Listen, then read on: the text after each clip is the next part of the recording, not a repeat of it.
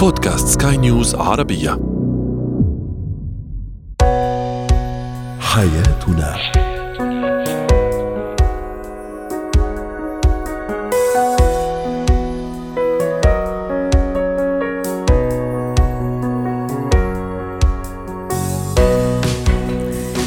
مستمعينا الكرام أهلا بكم معنا إلى حياتنا. فضاؤكم اليومي الذي يعنى بشؤون الأسرة وباقي الشؤون الحياتيه الأخرى والذي يمكنكم الاستماع اليه عبر منصة سكاي نيوز عربيه dot com slash بودكاست وباقي منصات سكاي نيوز العربيه الأخرى. شاركونا عبر رقم الواتساب 00971 561 886 معي أنا أمال شاب اليوم نتحدث آه، في مواضيعنا اليوم. في هو وهي عن سيدة البيت عندما تقرر آه، لما تكون ربة عفوا عاملة تقرر أن تكون ربة منزل. ما هي التحديات التي تواجهها؟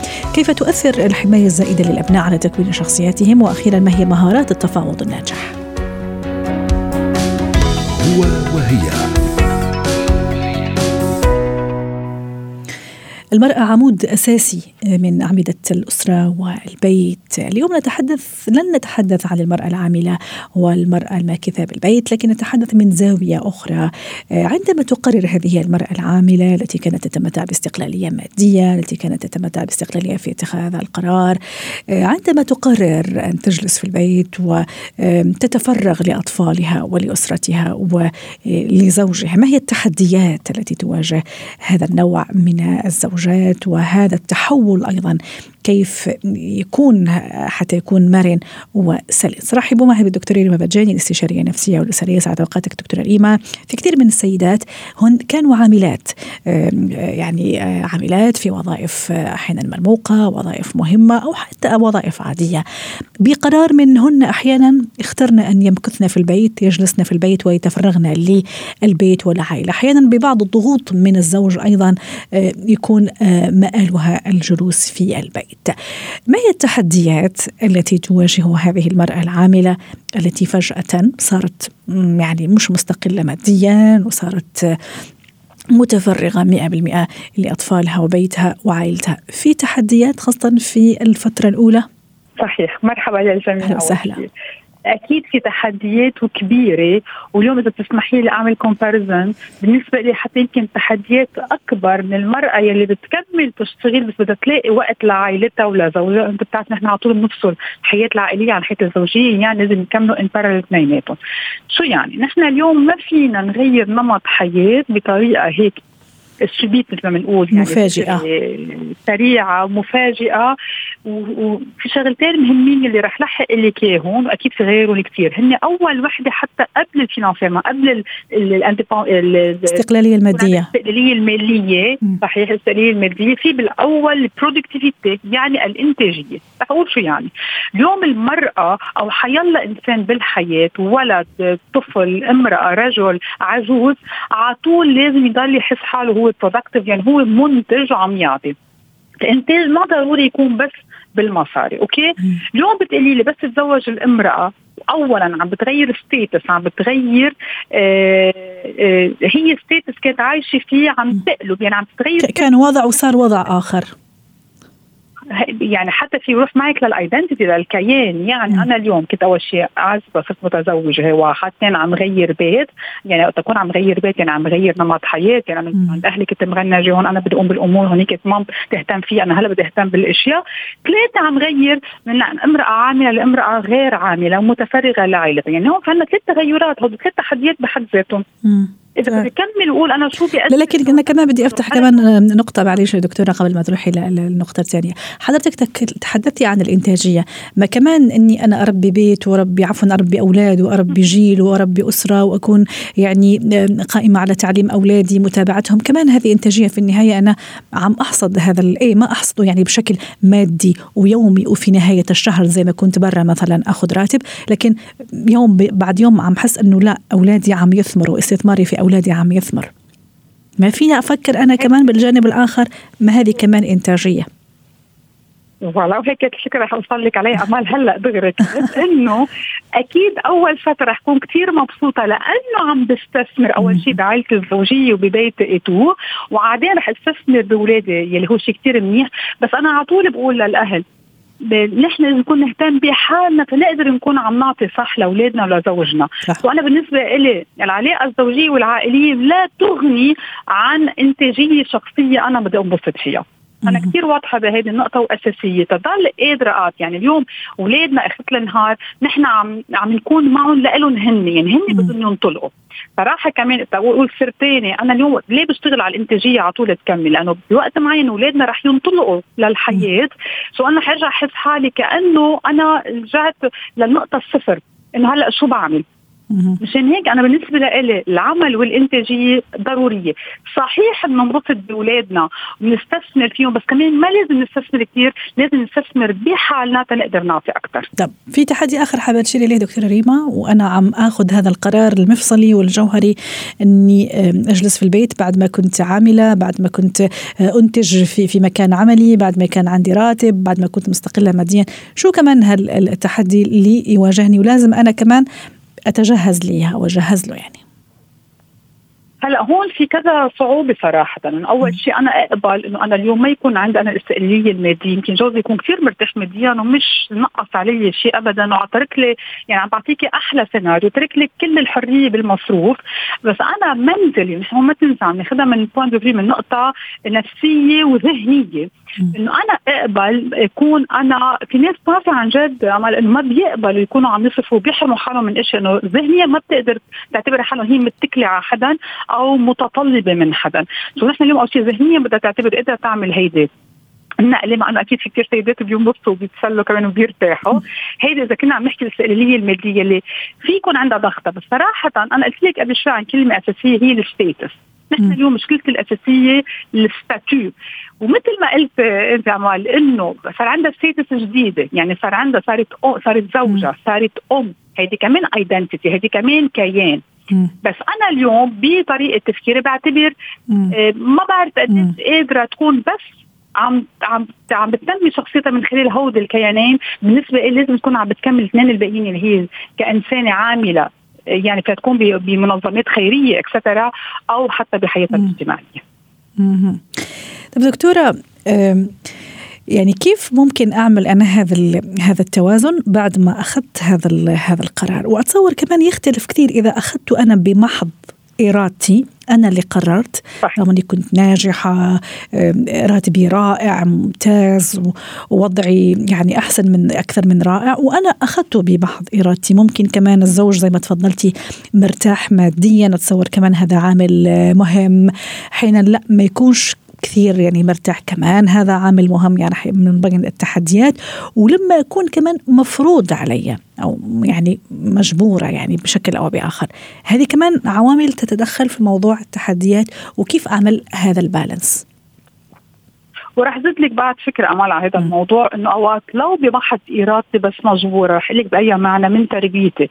اليوم ما تنسي بعدنا لعصرنا هلأ بعد عندنا هود اللي يعني الافكار الموروثة إنه المرأة هي للبيت تربي الأولاد تهتم بالبيت اكسترا لا ما فيها تكون هي كمان عم تطلع على كاريرتها لحياتها المهنية وتكون عم تنطلق وتوازي الرجل بالحياة الاجتماعية. اليوم أنا ما في شيء كمان هذا السبب لأنه فيها تكون أوقات هون إذا بدك الدمج أكبر يعني الستراجل الضغط أكبر. ليش؟ لأن هي إيه بمحض إرادتها بس لانها إذا بدك مسيرة بطريقة غير مباشرة بهذه الأفكار الموروثة. نحن اليوم ثلاثتهم يلي قلتي لي إياهم يلي أنا زدتها برأيي قادرة توصل لمحل إنه تكون عم بتسبب لها ضغط، كيف بدنا نتعايش معهم أو ما بحب كلمة تتعايش، كيف بدي أقدر أستفيد منهم؟ أنا اليوم فيي أقول إنه فينا نقسم. مش هيك يمكن أعطيتك example تكبروا الاولاد أنا عارفة توصل لهون يلي هي. أنا اليوم فيي أقول هالفتره بدي أستثمر وقتي مع عائلتي؟ وعم تنتبه على الكلمة اللي عم أقولها امل أنا بدي أستثمر أنا بحب كثير كلمة الاستثمار صح وأنا وأنا أيضا. قدراتي صح وقتي وحضوري وإيجابيتي. هون فيها تكون إيجابية. اول يعني أنا. اليوم عم أقول هالفتره بدي خصصها؟ بتعرفي في ما بيقولوا عايزين اولادي بهالعمر أكثر من هذا العمر. so هالوقت رح اعطيهم طيب. بعدين برجع بنطلق لأنا يمكن لحياتي العملية اللي أكيد فيها صعوبات وما رح في يمكن أرجع أقلعها. وهون كانت فكرتي الأساسية. إنه ما ضروري يكون العمل بحد ذاته. فيها تكون أنشطة فيها تكون أشياء خيرية. ما, ما هذه هي أنا هذه كمان فكرتي حتى أختم بها دكتورة ريما. يعني لما أنا نعم. اخترت إني أجلس في البيت وأتفرغ لبيتي وعائلتي هذا لا يعني إنه 24 ساعة و100% من جلوسي راح يكون للبيت. لا أكيد في جانب لي لهواياتي لنشاطاتي أكيد ممكن حتى في جانب للاستقلالية المالية لكن كذا يعني بطريقة ممكن بس تلبي لي أنا هذا الاستقلالية فقط مش لا أصرف على البيت ولا عرفتي كيف؟ فكمان هذا نوع من أتصور يعني هذا في رأيي بقى رأيي إنه هذا كمان نوع من التوازن اللي ممكن تعمله هذا السيدة اللي اختارت الجلوس في البيت والتفرغ لأهل بيتها بعد ما كانت يعني مستقلة. شكرا لك دكتورة ريما رائعة دائما ومبدعة ضيفتنا من بيروت وأتمنى لك أوقات سعيدة. زينة الحياة. أكيد كل واحد فينا يحب أبنائه ودائما يحاول يحميهم بكل ما أوتي بقوة. لكن هذه الحماية المفرطة هل دائما صحيحة أو هذه الحماية دائما صحيحة؟ ومتى ما يكون يعني الإفراط فيها؟ متى أعرف أنه أنا تحدى يعني تخطيت حدود المعقول وصرت مفرط كأب وأم في حماية؟ أطفالي. رحبوا معي بنور وليد الخبيرة التربوية. يسعد أوقاتك أستاذة نور أهلا وسهلا فيك. متى يجب أنتبه أني كثير عم أفرط بحماية أولادي؟ ممكن غريزة الأمومة دائما تقول كلمتها وغريزة الأبوة كمان تقول كلمتها. لكن ما هي الإشارات اللي تدل على أني عم أعطي حماية أوفر ولازم أتوقف أو أخفف؟ الحماية المفرطة زي ما انت قلتي هي نابعة من الحب أكثر والخوف على أولادنا. بس لازم الأهل يفكروا أول إشي شو الدافع اللي عم بخليه يحمي أولاده أكثر؟ في كثير عدة أسباب. ممكن يكون السبب الأول الأهل عايشين ببيئة مش آمنة ممكن يكون فيها حروب أو الأمن مش كثير قوي. ممكن السبب الثاني الأهل نفسهم مروا بطفولة قاسية أو طفولة صعبة فبيخافوا إنه أولادهم يمروا على نفس التجربة. أو ممكن تكون السبب الثالث الأهل هلأ لأنه ما شاء الله ال social media باي قصص عم تيجي صرنا بنشوفها بتكرار وصار الأمور القصص اللي ممكن نقول السلبية أو الاجراميه عم تنتشر بطريقة سريعة فصار الواحد يخاف على أولاده أكثر ورابعا فينا نحكي كمان الوعي التربوي آه، قليل جدا الأهل عم مش عم بيعرفوا كيف يتعاملوا مع أولادهم فبتلاقيهم من حبهم لهم أو إنه كمان بشوفوا أولادهم قد ما بيكبروا بضلوا صغار بعيونهم بقول لك لساته صغير لساته ما بيعرف إحنا لازم نخاف عليه ونهتم فيه. فبعدين تيجي المشاكل فينا نقول بالأخص فترة المراهقة حيكتشفوا إنهم كانوا آه، عندهم حماية مفرطة زي ما قلتي وهون بصير في شجارات بينهم وبين أولادهم. رائع. أستاذة نور إذا آه، حيدنا أو شلنا على جنب موضوع الحروب والأزمات اللي طبعا لازم أكيد هذه عندها ظروف خاصة وطريقة معينة أكيد ما راح أعرض ابني للخطر لازم أكيد أحميه هذا شيء طبيعي لكن في في الظروف العادية والمواقف العادية فيني أعرف إنه أنا عم أحميه شوية زيادة عن اللزوم اللزوم أو خلي مثلا أطرح بطريقة أخرى.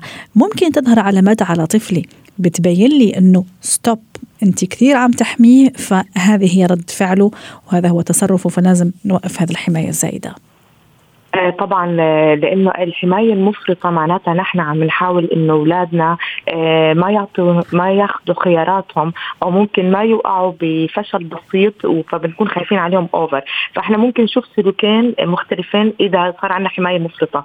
لبعد الثمان سنين تسع سنين يا إما نلاقي طفل عنيد عم بيتشاجر مع أهله إنه هو بده يعمل اللي بده إياه وببلش يقارن بينه وبين أصدقائه. ممكن يجي يقول أول شيء أنا أصحابي هيك بيعملوا أنتم ليش لا؟ طب هدولك ليش بيطلعوا وأنا لا فبصير هون في شجرات. وهذا الطفل نفسه العنيد اللي دائما بتشاجر مع أهله بسبب الحماية المفرطة نفسه رح يصير لأنه في مقارنات هذا الطفل رح يعمل لنا مشاكل خارج المنزل. يعني ممكن يجي بكرة لأنه بغار وإنه هو ما عم بيطبق اللي نفسه فيه وأهله خايفين عليه من الطلعات أو من أبسط المسؤوليات. فهذا ممكن يجيب لنا مشاكل. فهون الأهل بدهم يراجعوا كيف أسلوبهم مع الولد والحماية اللي عم تعطيه اوفر أو الثاني العكس الطفل اللي مستسلم واللي ما عنده ثقة بنفسه لأنه الأهل من كتر الخوف فصار عنده خوف بقراراته وخوف بالتعامل مع الناس فبتلاقيه انحيادي أو منعزل بالمدرسة فبتلاقيه مش أكتف بالمدرسة ما عندوش أصدقاء حتى بيكون بيخجل إنه مثلا لو صار في رحلة مدرسية أبسطها ممكن الأهل بيخافوا عليه إنه يروح على رحلة مدرسية.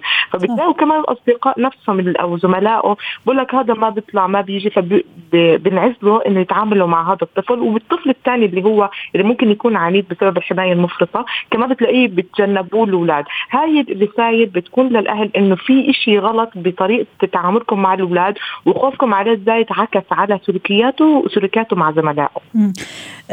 كمان بتعرفي خليتيني أفكر في شغلة قبل ما نروح للحماية المتوازنة. أحيانا لأنه ممكن ابني أه، هو اخر العنقود أو ممكن جاء بعد سنوات طويلة من الانتظار أو ممكن مريض. فكمان هذه تخليني شوية أعطيه حماية شوية زائدة وأتصور كمان هذا مش دائما يكون الحل الأنسب. كيف تكون حمايتي لأطفالي متوازنة أستاذة نور؟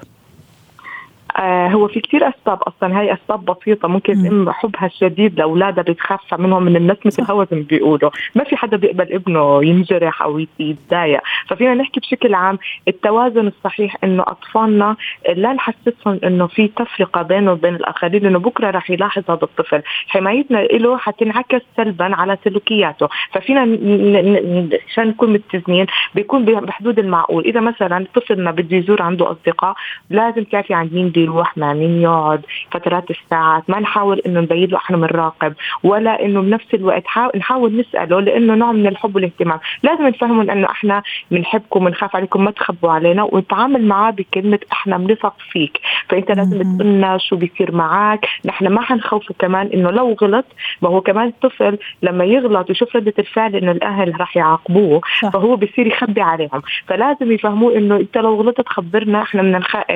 لازم تتعلم من غلطتك وإحنا لازم نوجهك. فهون بتصير الثقة أقوى وهون الطفل بيصير يقلل من آه، أغلاطه أو من فشله لأنه الطفل إذا ما تعلم أو ما اعطيناه نوع جزء من الحرية أو إنه جزء من إنه نعم. يختار فهون بصير عندنا آه، الطفل زي ما حكيت لك إنه ممكن يكون منعزل أو ممكن يكون عنيد ليوصل للنقطة اللي بده إياها. فضروري إنه نعطي مجال لو بد إنه لو هو أصر يعمل موقف معين نتأكد إنه إنه إحنا مش حنأذي أولادنا بالآخر بس لابد إنه نعطيهم الثقة. شكرا لك أستاذة نور وليد ضيفتنا العزيزة وأتمنى لك أوقات سعيدة. مهارات الحياة. اليوم نتحدث عن مهارة تعتبر من أهم مهارات ومفاتيح النجاح الأساسية في الحياة بشكل عام حياة مهنية وحتى حياة عملية وحياتنا الاجتماعية. التفاوض. إتقان التفاوض يعني وصلنا لتحقيق هدفنا. والتعثر فيه يعني ممكن منزلق يؤدي بنا في النهاية إلى التراجع والخسارة. فما هي مقومات التفاوض الجيد؟ رحبوا معي بجورجينا إبراهيم مدربة مهارات حياة. اسعد أوقاتك يا جورجينا. أهلا وسهلا فيك. ممكن راح افاوض أو أتفاوض على عقد عمل. ممكن أتفاوض على بزنس آه، مثلا. ممكن حتى أتفاوض أو أتكلم على فكرة معينة أحاول أروج لها ما هي أساسيات ومقومات التفاوض الجيد والمفاوض الشاطر والناجح؟ مزبوط معك حق مثل ما عم تقولي حضرتك. التفاوض موجود بكل آآ آه، آآ آه، بكل حياتنا حياتنا الشخصية العملية السياسية. فاذا بدنا نقول هيدي مهارة يعني نحن بنطبقها يمكن كل يوم من دون ما ننتبه إنه نحن يمكن عم نتفاوض صح. أو عم نجرب إنه نقنع الشخص اللي مقابلنا يمكن برأينا بفكرتنا بالسعر يلي بدنا إياه هذا اللي عم فكر فيه حين نفاوض ونفاصل في السعر. صحيح. مزبوط مزبوط. فكلها هيدي بتصير بيومياتنا من دون ما ننتبه إنه نحن نحن هلأ مثلا عم نطبق مهارة التفاوض.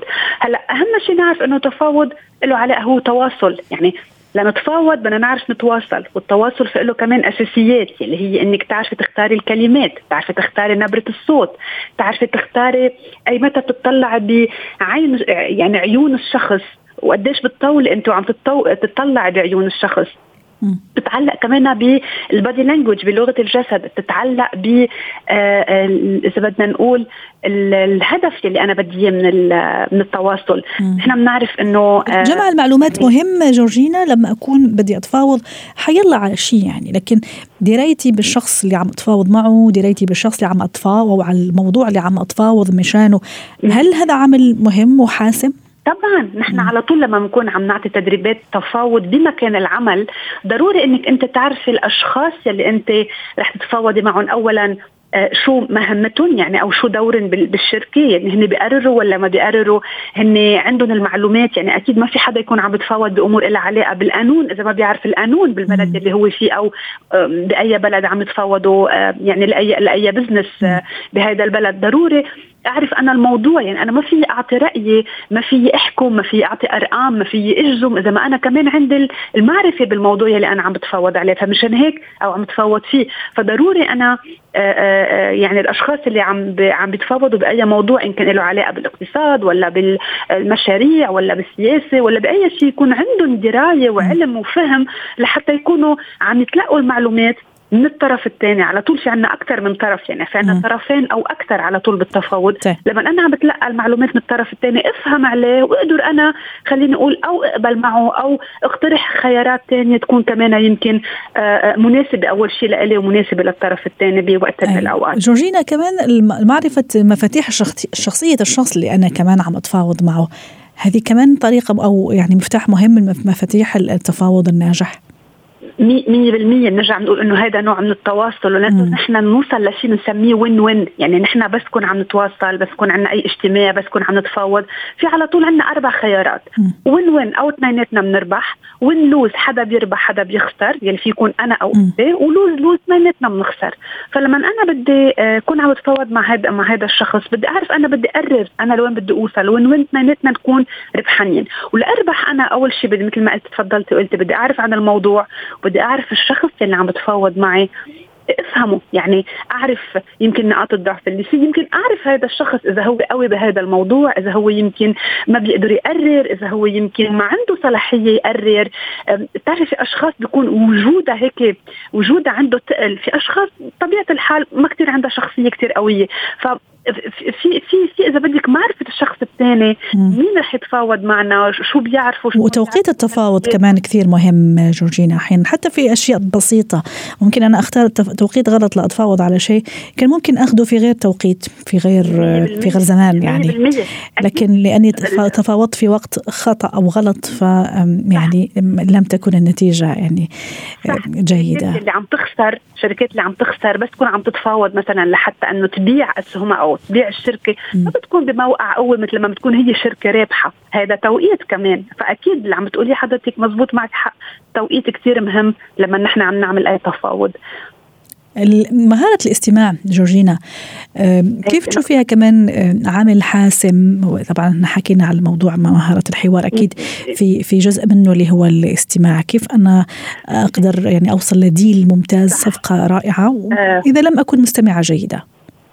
في في حدا هيك مرة كان عم بيقول إنه وعم نختم جورجينا. الواحد بالتفاوض وبالتواصل إنه اكون أنا آخر شخص عم بحكي. يعني خلي الكل يحكوا يطلعوا يلي عندهم يقولوا يلي عندهم بسمع آرائهم كلهم سوا برجع أنا بعطي رأيي. شغلة كثير مهمة نسمع للي عم ينقال ويلي ما عم ينقال. يعني أوقات نحن فينا نقرأ على وجه صح. الشخص رفض قبول آآ آآ مفاجأة. فشغلة كثير مهمة نسمع ليلي عم ينقال وشو عم ينقال وكيف عم ينقال. وهيدي هيدي كمان المهارات اللي كثير مهمة بالتواصل بشكل نعم. عام وبالتفاوض كمان بشكل خاص. شكرا لك جورجينا إبراهيم مدربة مهارات حياة ضيفتنا من بيروت.